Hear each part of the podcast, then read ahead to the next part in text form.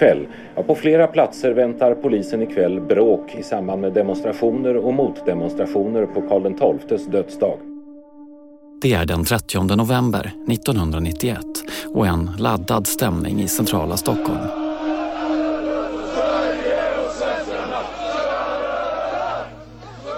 På den ena sidan finns skinheads och partifolk på högerkanten.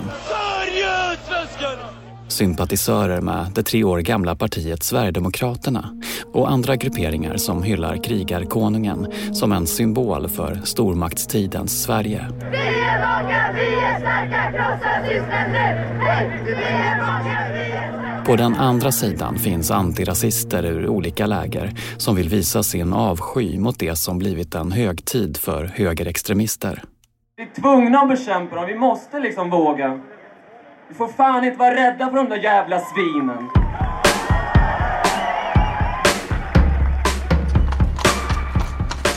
Det är 300 poliser i tjänst i huvudstaden. Till häst, till fots, i piketbussar och på motorcyklar. Kravallstaket monteras upp. Hjälmar och sköldar plockas fram.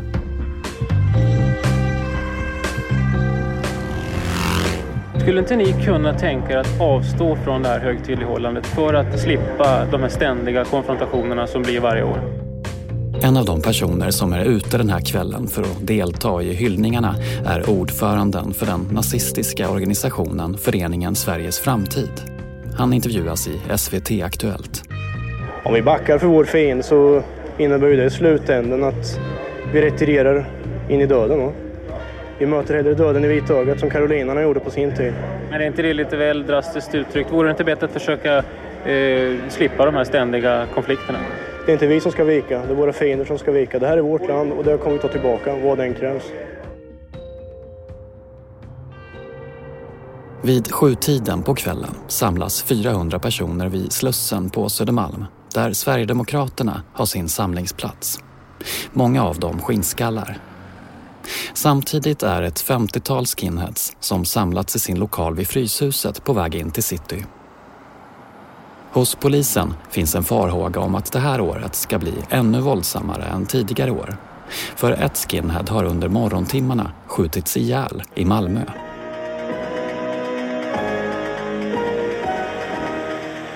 Sorg och hot om hämnd bland skinheads i Malmö efter nattens dödsskjutning. Dödsskjutningen började med ett bråk mellan skinnskallar och polis vid en korvkiosk på Köpenhamnsvägen. Då situationen urartar och slutar med att ett skinnhuvud faller död ner på asfalten, skjuten i huvudet av en av poliserna. Ett helt magasin tömdes faktiskt av den trängda polisen. I Aktuellts inslag medverkar en kompis till den döde skinnskallen. Kompisen intervjuas i sin lägenhet där ett stort porträtt av Adolf Hitler hänger på väggen. Det känns för jävligt, jävligt ledsen sorgsen. Han var inte som vi andra om man säger aggressiv och höll på att slåss och så. Så kom det jävla svinet och sköt en rätt i ansiktet. Skinnskallen i Malmö avslutar intervjun med ett meddelande till de skinheads som ska ut på gatorna under 30 novemberkvällen. Jag uppmanar till upplopp. För fan, det här ska vi hämnas. Hur ska ni hämnas detta? Ja, med nävarna. I Stockholm har en del av Fryshusskinsen svarta huvor på sig och skriker mördare åt de utkommenderade poliserna. Polisen har en plan för den här 30 novemberkvällen 1991. Skinnskallar och Sverigedemokrater ska stängas in på Riddarholmen nära Gamla stan men när demonstranterna inser att de inte kan ta sig till Karl XII-statyn i Kungsträdgården utbryter kravaller. Det var liksom fullt jävla upplopp. Grupper av skinnhuvuden lyckas bryta sig igenom polisens kedjor och ta sig till city. Och det uppstår bråk och slagsmål på olika platser i stan. Ledningen för Sverigedemokraterna anklagas för att ha förlorat kontrollen över sina deltagare. Och sen flög du stenar så inåt helvete från alla håll och kanter. I folkvimlet den här kvällen befinner sig ett något omaka par. De tillhör varken motdemonstranter eller skinheads i kaoset. En av dem är en man i sena 40-årsåldern. Inte så lång men kraftig och stark. Och bredvid honom en 20-årig kille, inte alls lika bred, snarare smal och lång och som har en vana av att lösa konflikter mellan olika ungdomsgäng. Så jag minns att jag och Anders vi sprang upp borta vid Rish och höll på att få 41 jävla stenar i skallen. De två personerna är Fryshusets Anders Karlberg och Non-Fighting Generations ordförande Roger Tikoalu. Den var en av skinnskallarna som blev skadad av motdemonstranterna så jag och Anders tog honom och släpade upp honom vid Dramaten där. Så att han kunde liksom ta skydd bland skinnskallen och, och dra. Då. Och så fort vi vände oss och skulle gå tillbaka så började skinnskallarna kasta sten på oss istället. Och polisen var all over the place och försökte få bukt med det här. Men, men det var så man jobbade liksom. Anders Karlberg har aldrig varit rädd för att vara mitt i våldet. Tvärtom. Det är i sådana här situationer han behövs och kan göra nytta till skillnad från de som bara sitter i sina kontor och pratar om samhällsproblemen. Han har ett ord för sådana personer. Skrivbordsatleter.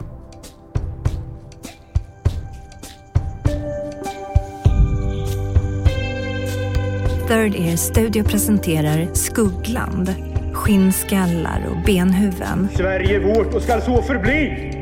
Vårt blod har vandrat i många led och skall så göra till Ragnarök. En dokumentär i sex delar av Arvid Hallberg. Krossa kommunismen! Uppåt hundra personer greps av polisen under de våldsamma upplopp som ägde rum i Stockholm natten till idag. Flertalet av de gripna var skinheads. Avsnitt 4. Krigare och visa män.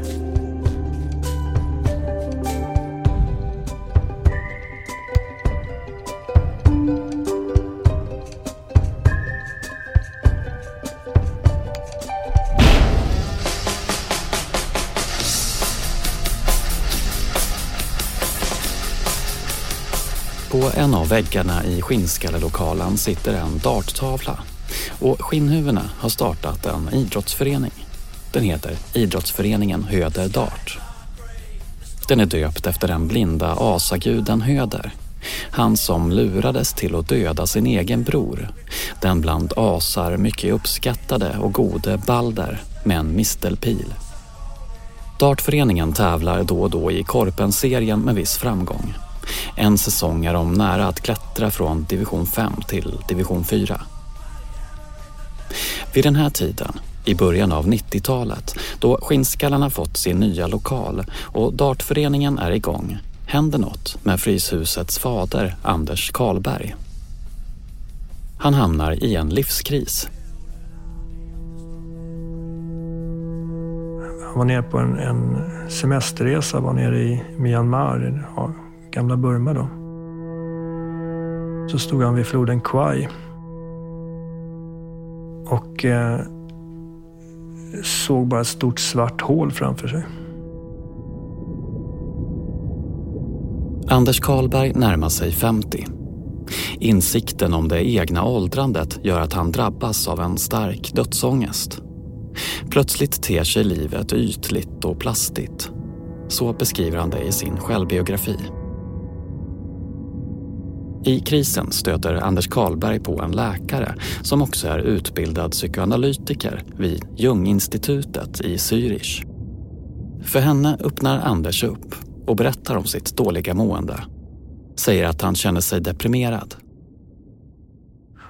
Till hans stora förvåning så säger hon liksom, vilken tur du har. Då, har du, då är, tillhör du en av de männen som kan utvecklas till en vis man.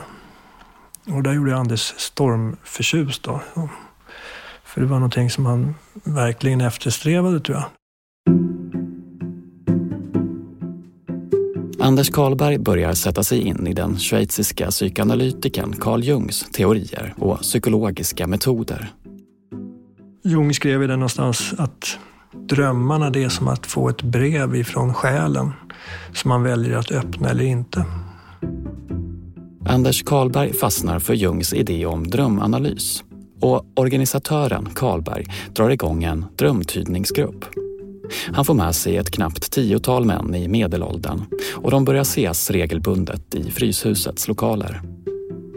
Till mötena har männen med sig anteckningsböcker där de skrivit ner den senaste tidens nattliga drömmar. Karlbergs nära medarbetare Arne Danner är en av deltagarna. Vi var en illuster samling där med präst och det var byggjobbare, det var liksom politiker och det var liksom ja, jurist och det var allt möjligt. Och eh, ja, öppnades för, för varandra då. På ett sätt som jag tror att ingen hade gjort innan. Då, så där. Nu så har vi samlat eh, åtta killar och går gemensamt till drömanalys. Och det är jävligt häftigt. Kan du inte berätta om det? I intervjuer talar Anders Karlberg gärna om vad hans nyväckta intresse för drömtydning gett honom. Här är han gäst i SVT-programmet Skytte från 1994. Vi samlade ihop en grupp och så började vi analysera våra drömmar. Då upptäckte vi plötsligt att fan, vi hade en själ som levde sitt eget liv. Som hade massor att berätta om oss själva. Och eh, det kändes efter varje sådant här tillfälle kändes som att man vänder utåt typ på en raggsock. Alla känslor ligger utanför. Men det är en fantastisk eh, utvecklingsprocess. Drömtydningssessionerna på Fryshuset leds till en början av läkaren Rigmor Robert. Han tyckte om Jungs modell av människan och sättet att jobba med drömmar och det. Och det fick han ju genom mig. Psykoanalytikern Rigmor Robert tyder inte drömmar bokstavligen utan använder dem för ett samtal om vad som rör sig i en människas inre. Så även i Karlbergs drömgrupp. En händelse man har upplevt när man sov i medvetslöshet, det blir så uppriktigt. Och då har vi den som utgångspunkt för en dialog. Som många tycker är härligt, att eh, informationen kommer ur deras egen själ. Så ungefär. Det var det killarna, mm. eller männen runt Anders Karlberg var intresserade av de där åren när vi, jag tror det var nio år vi träffades i den drömgruppen. Vid sidan av drömanalys finns ett helt centralt begrepp i Jungs tankevärld.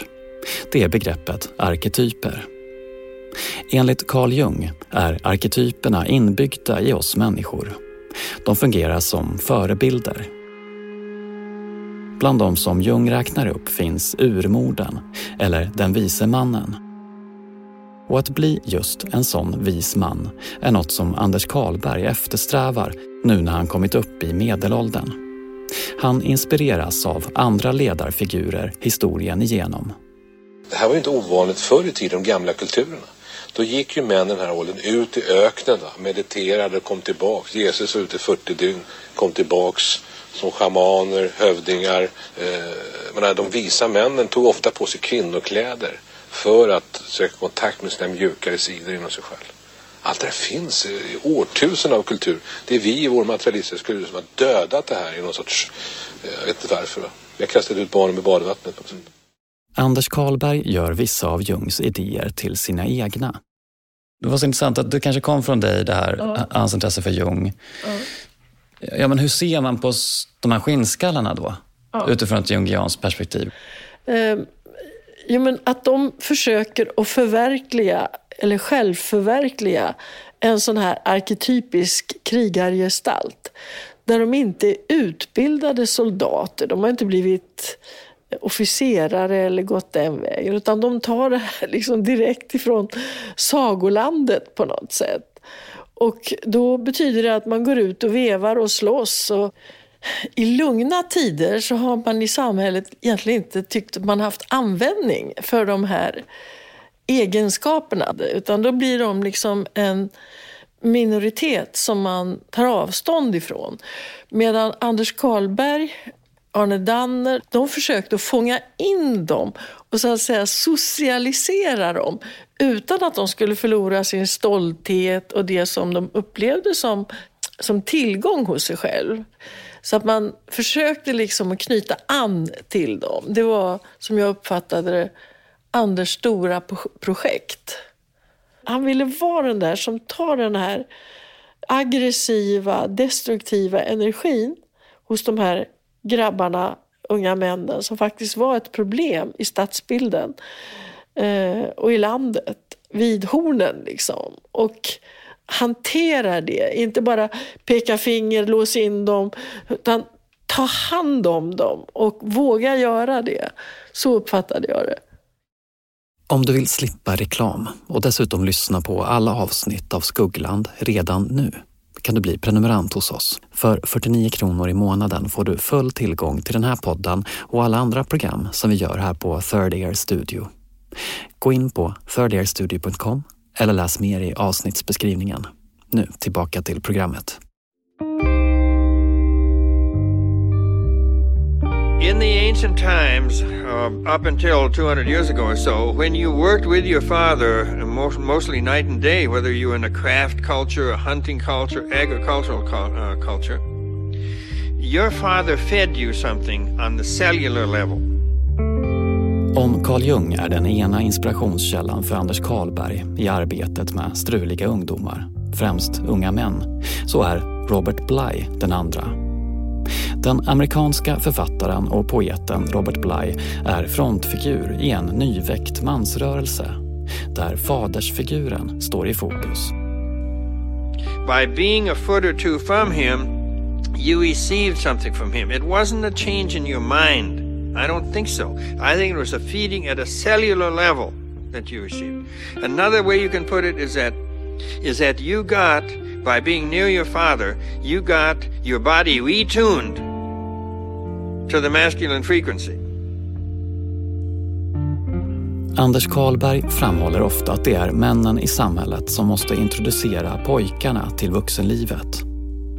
Karlberg lyfter ofta fram Robert Blys bok Järnhans, en bok om män. Där beskrivs den samtida mannen som vilsen och desperat sökande efter sin manliga identitet. Orsaken är frånvaron av fäder under uppväxten och konsekvenserna syns i samhället i form av kriminella gäng och drogmissbruk. And a lot of young men in this country are living with no adult male in the house. And I remember the police chief of Detroit said the young males that I arrest not only do not know a responsible male, they've never met one. To me, the whole drug thing, it's connected with the father hunger that's so incredibly deep. It's in the cells. Anders Karlberg tar till sig Blys teorier.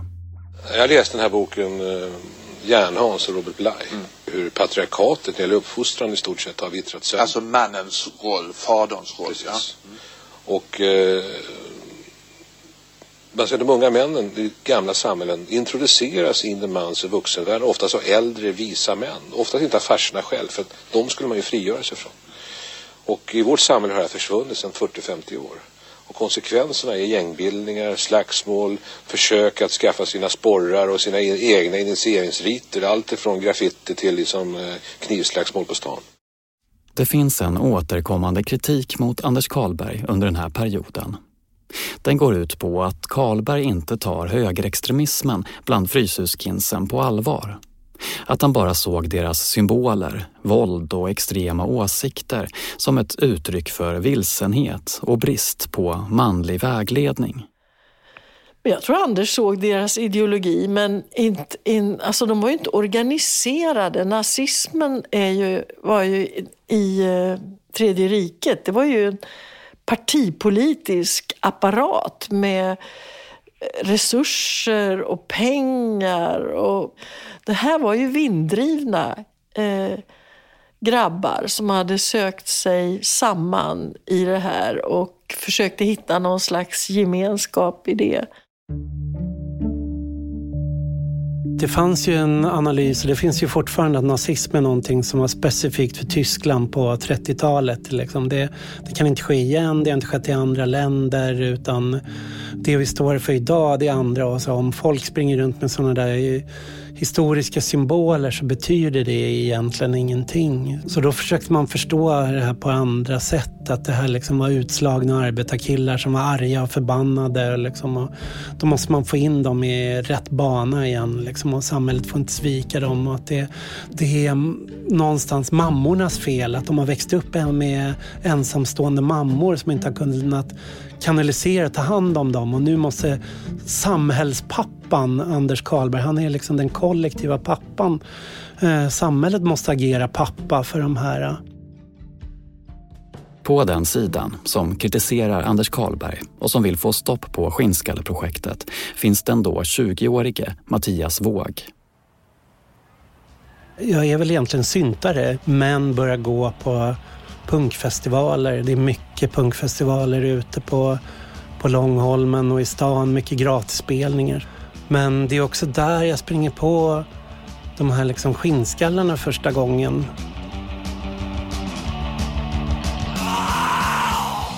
Mattias Våg har en bakgrund som fältbiolog och miljöaktivist. Under 90-talet blir han anarkist och vänsteraktivist. Som alternativ vid den här tiden stöter han ofta på andra alternativa, punkare och skinnskallar till exempel, för de går till samma ställen. Ett ställe är Kolingsborg, den runda byggnaden mitt på Slussen där det arrangeras spelningar och klubbar så var det alltid så när de spelade låtar så dansade man och sen så kom det en Ultima Thule-låt eller någon ska-låt. Och då klev man åt sidan så gick skinnskallarna in och pågade och sen spelade de liksom en syntlåt igen och då gick vi på och så klev de av. Vi fanns där i samma miljö och på något sätt så skinnskallarna ingår i familjen men det svarta fåret i, i de här subkulturerna. Skinnskallarna utmärker sig i den alternativa miljön. Det är de som hörs och slåss mest och kan slänga ur sig saker som Sieg Heil. De var liksom fulla och slogs, skrek om eh, bara jävla rödingar. Eh, de var jobbiga att ha där för att de, eh, det var så mycket våld kring dem. Trots att skinheads, punkare och anarkister festat på samma ställen blir de politiska motsättningarna tydligare och våldsammare. Vid ett tillfälle när Mattias Våg och hans kamrater i den autonoma vänstermiljön ska protestera mot att oljebolaget Shell etablerat sig i apartheidens Sydafrika utbryter vilt slagsmål. Vid Nobelhuset i Stockholm, där demonstrationen ska avgå, har skinnskallar samlats för att provocera. Vi ställde oss liksom på led och då går de fram och ställer sig i armkrok mitt framför oss för att liksom blockera för att vi inte ska demonstrera mot apartheid i Sydafrika. Och vi kör en nedräkning, bara springer rakt in i dem och liksom, det är de här eh, första slagsmålen som är liksom kollektiva slagsmålen där i slutet av 80-talet. Och då börjar också 30 november bli mer bråk och så. Så att vi radikaliserades, vi tog mer ställning, de radikaliserades, de tog mer ställning och det blev mer och mer bråk mellan oss. 1991 sker det saker som skakar om Sverige i grunden. En 34-årig man sköts i huvudet för en knapp timme sedan vid studentområdet eh, eh, på Körsbärsvägen på Östermalm. Han sköts från nära håll och polisen söker nu vittnen. Nej, vi har enda vi vet är att det är en invandrare. Kan det vara Lasermannen som har... Är det någon som har sett någon röd prick eller något sånt? Det kan inte uteslutas. Det finns någon på Stockholms gator som skjuter på människor med mörkt hår och mörk hy. Allt som allt skjuts tio personer, en av dem till döds, av en gärningsman med lasersikte. Stockholmspolisen har gripit en person som misstänks vara den man som flera gånger attackerat personer med utländsk bakgrund, den så kallade Lasermannen alltså. Lasermannen John Ausonius har hittat stöd för sina våldsdåd i de främlingsfientliga och rasistiska strömningar som blivit allt starkare vid den här tiden. Samma år har till exempel det högerpopulistiska partiet Ny Demokrati kommit in i riksdagen och en del av partiets företrädare har gjort sig kända för grovt rasistiska uttalanden. 91, då, då hade ju Vitt ariskt motstånd bildats och för oss var det där liksom en, det var en enorm chock.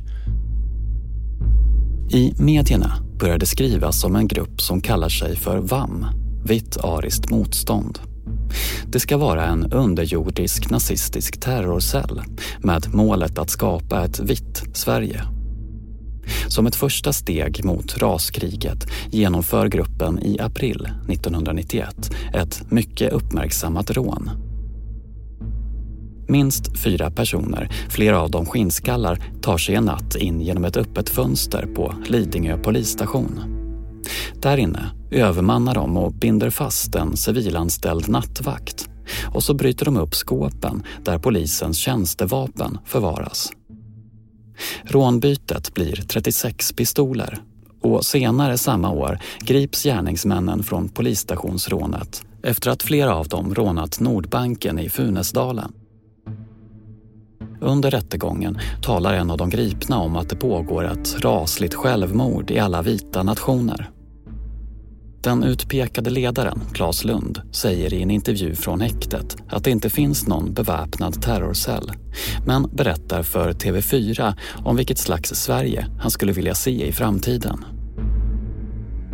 Ariskt hemland kan man väl säga.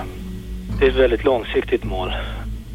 Det finns ingen plats för andra människor än de med vit hudfärg till exempel. Är det det du menar? Ja, det finns ju gott om plats i hela planeten. Kan man kalla dig nazist? Ja, ni kallar mig för nazist. Mm, jag frågar dig. Jag har en del åsikter som skulle kunna tolkas som nazistiska. Det håller jag med om. Claes Lund och flera andra personer i VAMs kärna var frekventa besökare i Skinnskallelokalen på Fryshuset. Alla människor som delar våra värderingar och synpunkter är naturligtvis välkomna att ställa upp på våra demonstrationer. Vid den här tiden, i början av 90-talet, på Karl XIIs dödsdag eller i samband med Sverigedemokraternas demonstrationer kunde helt svartklädda skinheads utrustade med sköldar med texten “Vitt ariskt motstånd” dyka upp. Tycker du att de här eh, vammarna som finns med här ikväll är bra att ha i era led? Ja, som jag säger, människor får komma och de ställer upp våra värderingar och har våra, våra synsätt. Då är de välkomna. Inför demonstrationen grep polisen ett tiotal VAM-anhängare och plockade av dem järnrör, baseballträn och rökfacklor och annan utrustning som man ju måste ha när man ska demonstrera. Motdemonstranter, som anarkisten Mattias Våg, noterar den nya VAM-falangen. Den verkar mer militant och mer extrem än andra nazistiska grupper. Rånet mot polisstationen på Lidingö och bankrånet i Funäsdalen är tydliga tecken på att gruppen menar allvar med raskriget. De gick ut och ställde sig helt tysta så stod de med sköldar, helt svartklädda, maskerade och sen en symbol, varghaken då som de hade tagit som symbol. En, en hake med ett svärd framför på liksom en vit röd fana. Så att det var ett väldigt starkt visuellt språk och så kom det då också flyktingförläggningar brand, vapenförråd rånades, det skedde, det skedde rån av bensinmackar, av polisstationer. Samma sak hände ju inte bara i Sverige. Det var ju liksom, I Tyskland så hade Östtyskland och Västtyskland enats med stora rasistiska pogromer i, i Rostock och Hoyerswerda där man liksom brände flyktingar inne i förläggningarna. Man muss sagen, dass die Leute, die hier tätig sind, zwar von Skins, die Sieg Heilbrüllen angefeuert Nu måste vi steppa upp liksom, för de håller på, det håller på att ske någonting där. Det är inte de här svarta fåret på våra festivaler och spelningar längre, utan nu, nu är det terrorism vi står inför. I januari 1992 publiceras det i både norska och svenska kvällstidningar artiklar om en person som kallas Agent Jakob. Han är en ung norrman som med norska säkerhetspolisens vetskap infiltrerat en grupp naziskins i Norge som haft nära kontakt med VAM i Sverige. I artiklarna beskriver agent Jakob hur han blivit inbjuden till Stockholm i samband med 30 novemberfirandet 1991 och då hamnat i vad han kallar VAMs högkvarter, Skinnskallelokalen på Fryshuset. Anders Karlberg kallar det påståendet för ett stort lögnaktigt påhitt och menar att om VAM nu skulle vara en underjordisk terrorcell skulle de väl knappast ha ett öppet och synligt högkvarter på Fryshuset även om enskilda medlemmar hängt i lokalen. Rätt snart så åkte ju alla de VAM fast och hamnade på kåken. I februari 1992 Kort efter att uppgifterna om VAM och Fryshuset kommit ut i pressen får skinnskallarna ett uppmärksammat blåblodigt besök. Kung Carl Gustav besöker Fryshuset och i samband med det kliver han även in i skinnskallarnas lokal. Fotograferna som är på plats fångar kungen i lokalen Och dagen efter möts tidningsläsare av en bild där kungen står omgiven av skinheads med nästan generade leenden. Bland skinnhuvudena då, som men självklart då gillar kungahuset och sådär, då, så var det jättestort för dem att, att han kom. Då, då. Och sen är det klart att, att eh, alla som fanns där i lokalen och sånt där eh, var ju inte jag kan säga, omvända till att vara fulla demokrater. Ovanför kungens och skinnskallarnas huvuden hänger en flagga med en symbol. Varghaken. Just den som Vitt ariskt motstånd använder sig av. Fel sällskap kungen blir rubriken i Expressen dagen efter där hovets presschef säger att det var olyckligt att bilden togs just där. Vänsteraktivisten Mattias Våg ser med ilska på bilden och på vad den symboliserar. Vi tyckte det var sån oerhörd naivitet liksom från, från Anders Karlberg. Liksom, hur han legitimerade det här och hur han tog dit kändisar, att han hade kungen på besök. Vi var ju extremt förbannade på det där.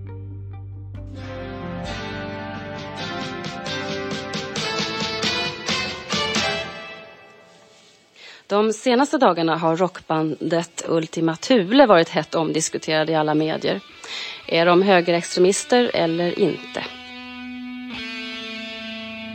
1993 har vikingarockbandet Ultima Thule i princip blivit mainstream. Och med det kommer en ny generation skinnskallar dyka upp. Det märks inte minst i skinnskallelokalen på Fryshuset där de går under namnet Babyskins. Ultima Thule har innan det stora genombrottet spelat på ljusskygga festivaler med regelrätta vit maktband. Och nu har bandet lyckats få med flera låtar på Sverigetopplistan.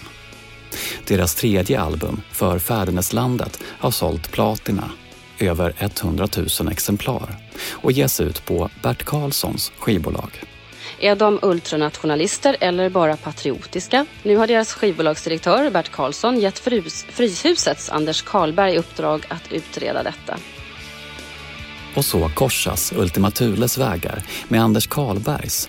För nu ska frågan om bandets politiska ståndpunkter utredas en gång för alla. Är publiken rasister eller vanliga skötsamma ungdomar?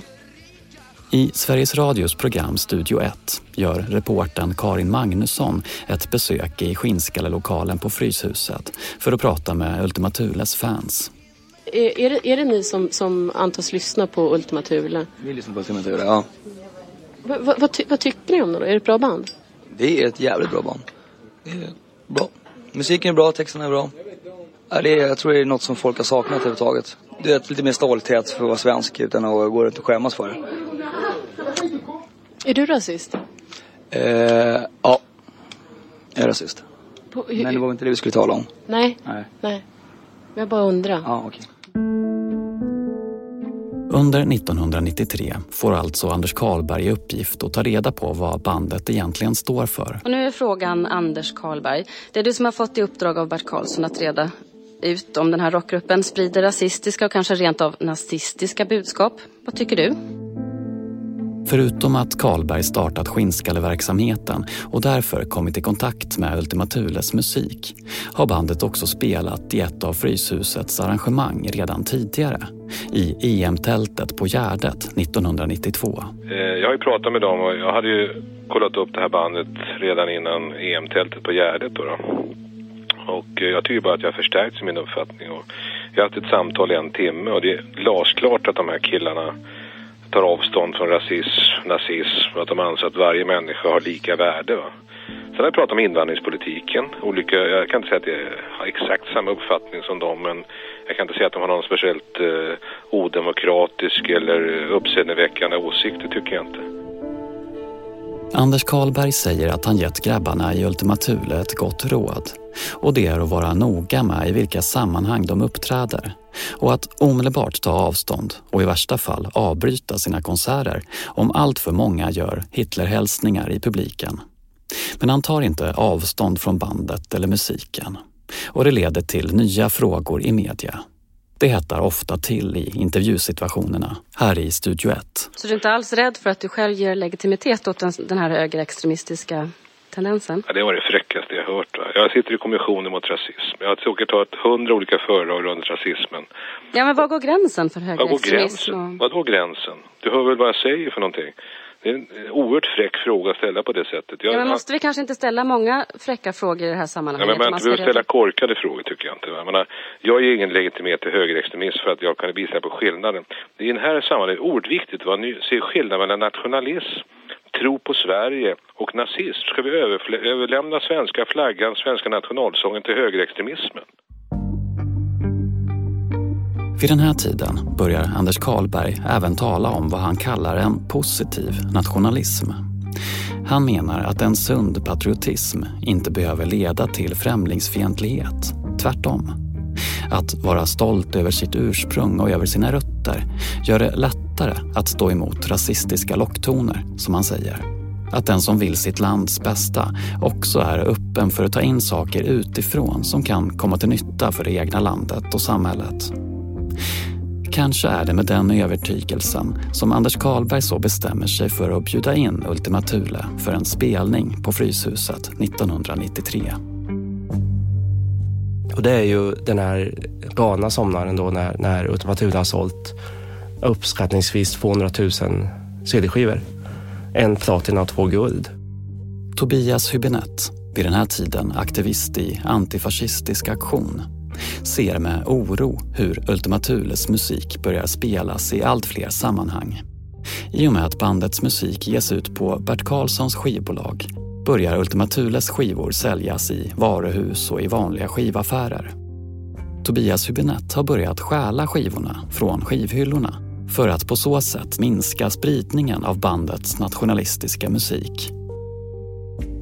Det är, det är någon slags kombination av Bert Karlssons entreprenörsanda. Liksom. Han tjänar ju hur mycket som helst. Eh, och eh, Anders Karlbergs välsignelse som gör att den här sommaren liksom blir så här galen. När alla verkligen lyssnar på Ultima Thule. Eh, även unga vuxna kunde göra det. Äldre vuxna med till och med. Villafester hörde man liksom 40-åringar lyssnade på och grillade liksom, drack öl och sådär. Så efter den sommaren så ordnar då Fryshuset en, en Ultima Thule-konsert. Så blir det den 26 oktober 1993. Kvällen då Ultima Thule ska spela i Fryshusets stora konsertlokal. Många skinnhuvuden är ute på stan och rör sig mot norra Hammarbyhamnen och den jättestora fritidsgården. AFA-aktivisten Tobias Hübinette är också på väg dit. De andra liksom antifascisterna, de stannade ju hemma den kvällen. De var ju rädda med för att det var ju jättemycket skinheads på hela Södermalm då. då. Stora gäng som skulle ta sig dit och som hade ölburkar i handen och sjöng och höll på liksom. Alltså hundratals var det ju. Tobias Hübinette rör sig mot Fryshuset i oktoberkvällens mörker. Han vill på egen hand försöka stoppa konserten. Med sig har han en banderoll och i fickan en kniv. Kändes som att någon måste ändå göra något.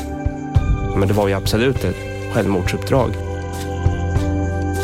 Du har hört del fyra av sex i Skugglans dokumentärserie Skinnskallar benhuven av Arvid Hallberg. Arkivljuden är hämtade från Sveriges Radio, Sveriges Television och TV4. Producent är Anna Åkerlund. Ljudmixen är gjord av Gustav Sundén, grafisk design Anne Skog Obel. Signaturen är skriven av Jonathan Johansson och i Skugglans redaktion ingår även Mårten Truffast, Sara Lundin, Love Lissarides, Joel Silberstein Hont och David Mer.